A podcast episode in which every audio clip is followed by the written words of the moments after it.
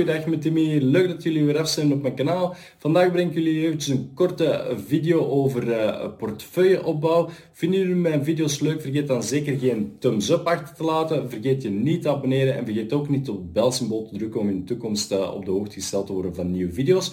Wens je naar specifieke delen van deze video over te gaan, dan kun je dat door onderaan in de timestamps te klikken op de delen die voor jou interessant lijken.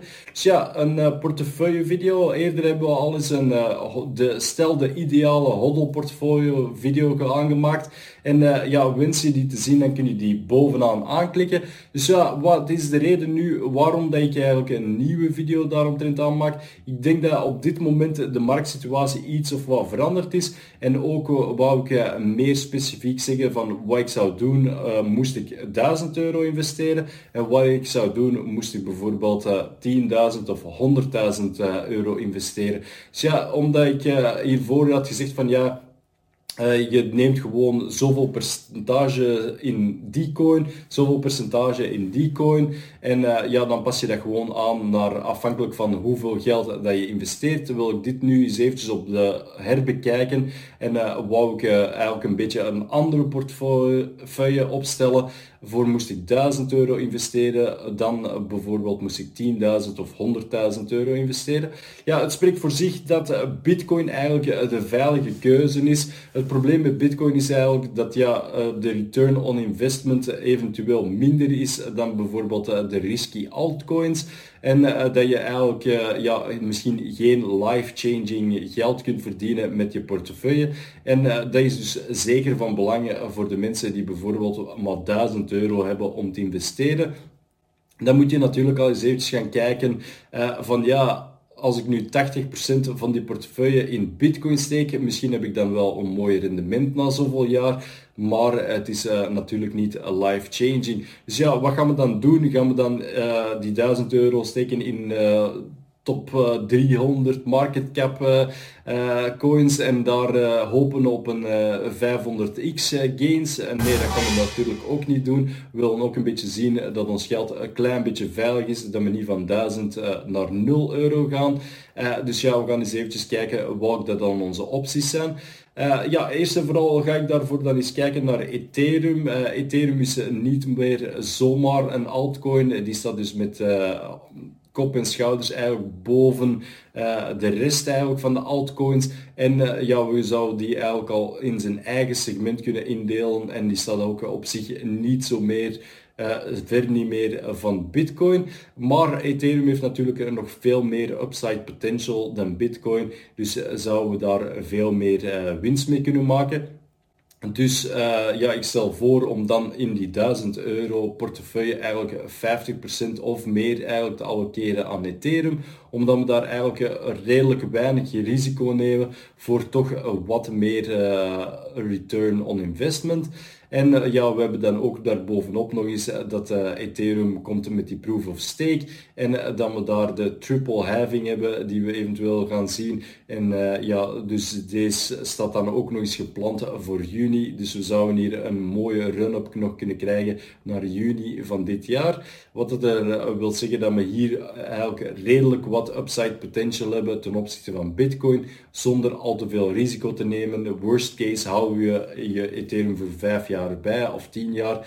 En uh, zul je toch sowieso positief staan ten opzichte van uh, waar dat je het hebt geïnvesteerd. Dan voor de volgende coin, waar gaan we dan eens naar kijken? Ja, dan gaan we eigenlijk eens kijken naar XRP. En waarom XRP? XRP die heeft eigenlijk nog niet zo'n echte run-up gehad op dit moment. En eh, ja, dat komt natuurlijk door het proces eh, van de SEC tegen uh, XRP. Op dit moment ja, is, is dat nog niet afgelopen. Dus dat wil zeggen dat we nog niet duidelijk weten welke kant dat het uitgaat. XRP is ook niet meer gelist op, op exchanges in de Verenigde Staten. wat ertoe leidt dat mensen die eigenlijk XRP willen kopen in de Verenigde Staten, dat die moeten gaan via bijvoorbeeld Qcoin of een Uphold wallet. Dus het is al moeilijker om te investeren daarin. Dus moest die dan uiteindelijk terug gelist worden op Coinbase en andere exchanges in de Verenigde Staten, dan kan dat leiden tot een redelijk grote run-up. Op dit moment zien we ook dat het proces eigenlijk in een redelijk goede richting loopt voor XRP.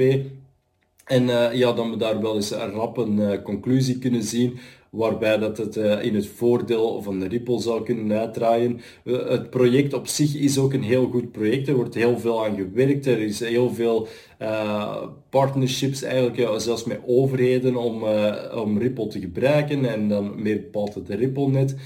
Dus ja, zeer interessant om te zien dat zo'n groot project eigenlijk een beetje onderdrukt is in prijs. Dus ja, het upside potential voor XRP is redelijk groot.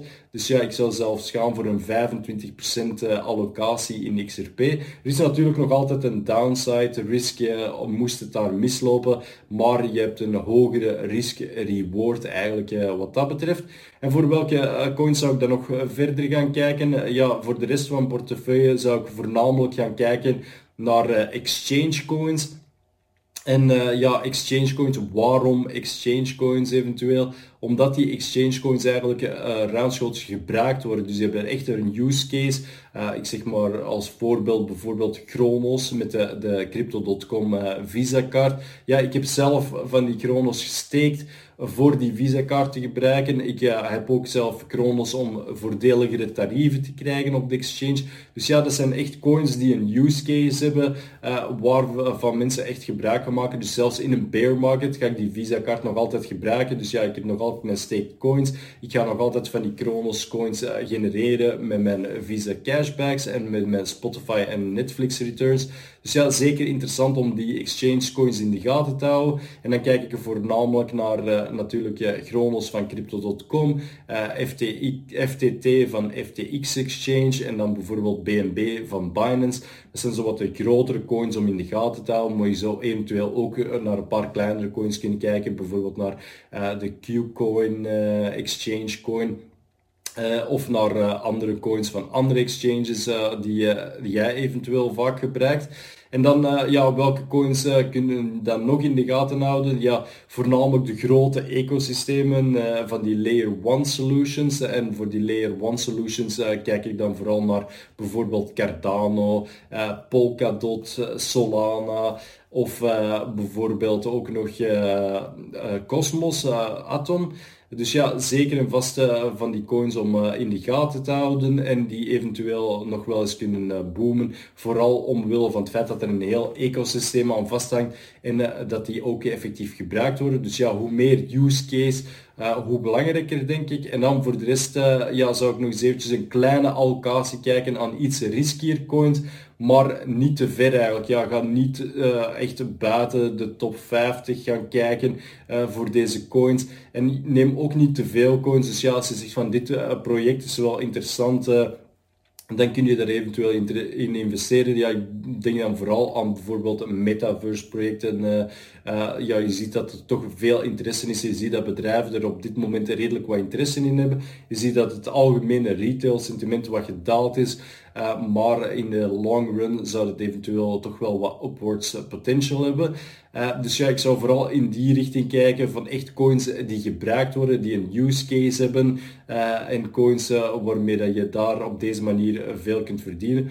Om echt te gaan kijken naar die high risk coins, dat zou ik nu niet per se doen in je 1000 euro portfolio, omdat je eigenlijk heel weinig ruimte daarvoor hebt. ja, wat ga je dan doen? Je gaat dan 2% investeren ja, dan kun je 2% van 1000 euro is niet zoveel. Dus dan kun je misschien één high risk coin of zo pakken, maar ik zal mij vooral focussen dus op Ethereum, XRP en dan eventueel die Layer 1 solutions en dan misschien een beetje metaverse om die 1000 euro over te verdelen. Uh, ga je dan natuurlijk een categorie hoger naar 10.000 euro en 100.000 euro, dan zou ik natuurlijk weer wel uh, terug wat uh, bitcoin inkopen.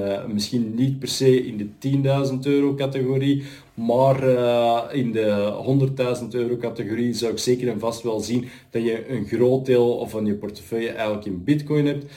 ja, dat spreek ik ongeveer, ja, ongeveer over een gelijke allocatie misschien tussen uh, Bitcoin en Ethereum. En ik zou dan zeggen dat je bijvoorbeeld 80% uh, van je volledige investering in Bitcoin en Ethereum steekt en dan afhankelijk van hoeveel risico dat je wilt nemen. Wil je iets meer risico nemen, dan zou ik gaan voor ongeveer een, 60 à 70 procent Ethereum en dan uh, ja, 10 à 20 procent Bitcoin. Uh, moest je minder risico willen nemen, kun je een lager percentage Ethereum nemen, maar ik zou ook niet te laag gaan. Ik zou dan nog 40, 40 of zo gaan, dat je gelijk percentage Bitcoin en Ethereum hebt. En van zodra dat Ethereum een beetje in profit staat, kun je eventueel wat uitcashen naar Bitcoin om zo'n beetje veiliger te zijn. En dan heb je nog 20% die je over hebt. Uh, waarvan ik een, eh, een, deel zou allokeren aan XRP.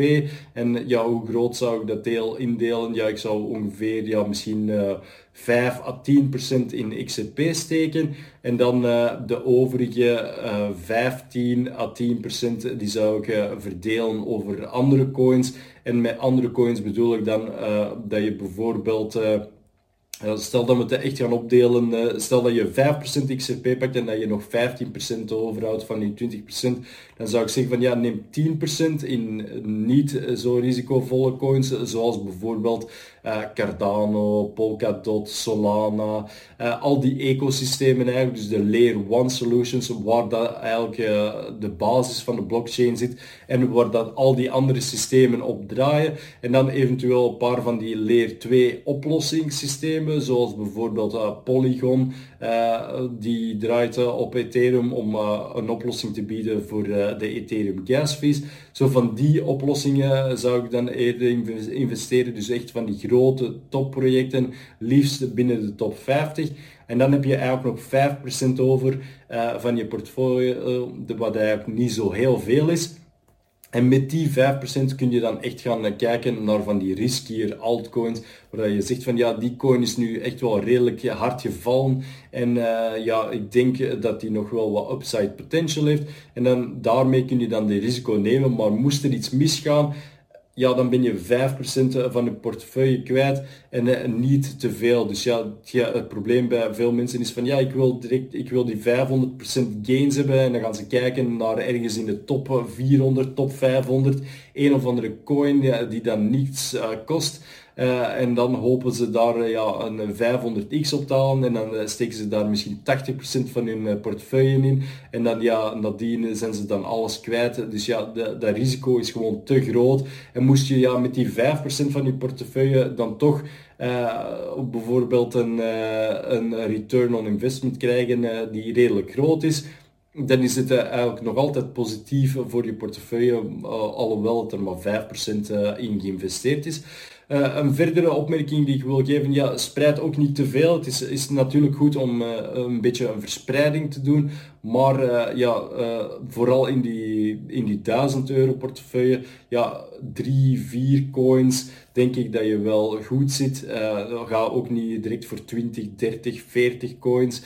ik denk dat je sowieso zelfs in die 100.000 euro portefeuille, dat je voor een maximum van uh, ja, 20 coins, maximum denk ik dat je mocht gaan in die, uh, in die grote portefeuille. Dus ja, let een beetje op dat je ook niet te veel overdrijft uh, met de diversificatie. Probeer een beetje de grotere coins in bepaalde niches te nemen. Dus ja, ik zeg maar iets, bijvoorbeeld de, de Layer 1 solutions zoals Ethereum, Cardano, Polkadot en Solana en zo verder. En dan een paar uh, Layer 2 solutions uh, eventueel. En dan kun je dan binnen die 5% kun je dan eigenlijk gaan voor die riskier coins. En die riskier coins bedoel ik dan natuurlijk uh, dat je wat verder gaat kijken in de top. en dat je de, bijvoorbeeld enkele meme coins pakt zoals Shiba Inu of uh, Dogecoin, maar steken zeker niet te veel geld in die coins, uh, want ja, de downside potential is ook heel groot uh, voor die coins, dus zeker iets om rekening mee te houden. Ja, hopelijk is deze video dan ook iets duidelijker over waar dat ik mijn geld op dit moment zou steken. ja, dit verandert natuurlijk ook altijd. moest die proof of stake nu mislukken voor Ethereum en moest dat uitgesteld worden, ja, dan houdt het er, moeten we er natuurlijk ook rekening mee houden. Moest een of ander ecosysteem ineens in de market cap in de buurt komen van Ethereum, dan is dat ook wel zeker iets dat we in de gaten moeten houden. Maar ik denk dat Ethereum eigenlijk een safe bet is voor de long term. En uh, ja, dan moet er al heel veel misgaan uh, om Ethereum te laten falen eigenlijk ten opzichte van andere projecten. Andere projecten hebben nog een heel lange weg te gaan om aan dezelfde market cap te komen en om, ja, om Ethereum in te halen. Dus ik denk dat de kans groter is dat Ethereum Bitcoin inhaalt dan dat er een andere coin eigenlijk Ethereum gaat inhalen. Hopelijk uh, zijn jullie hier iets mee en hopelijk uh, kunnen jullie dan op deze manier uh, beter investeren. Let erop, dit is mijn persoonlijke mening natuurlijk. dus ja, doe zelf ook uw eigen research. En ja, dan hoop ik jullie spoedig terug te zien in een van mijn volgende video's. Vinden jullie deze video's leuk? Vergeet dan zeker geen thumbs up achter te laten. Vergeet je niet te abonneren en vergeet ook niet op het belsymbool te drukken om in de toekomst op de hoogte gesteld te worden van nieuwe video's. Fijne dag nog. Dag.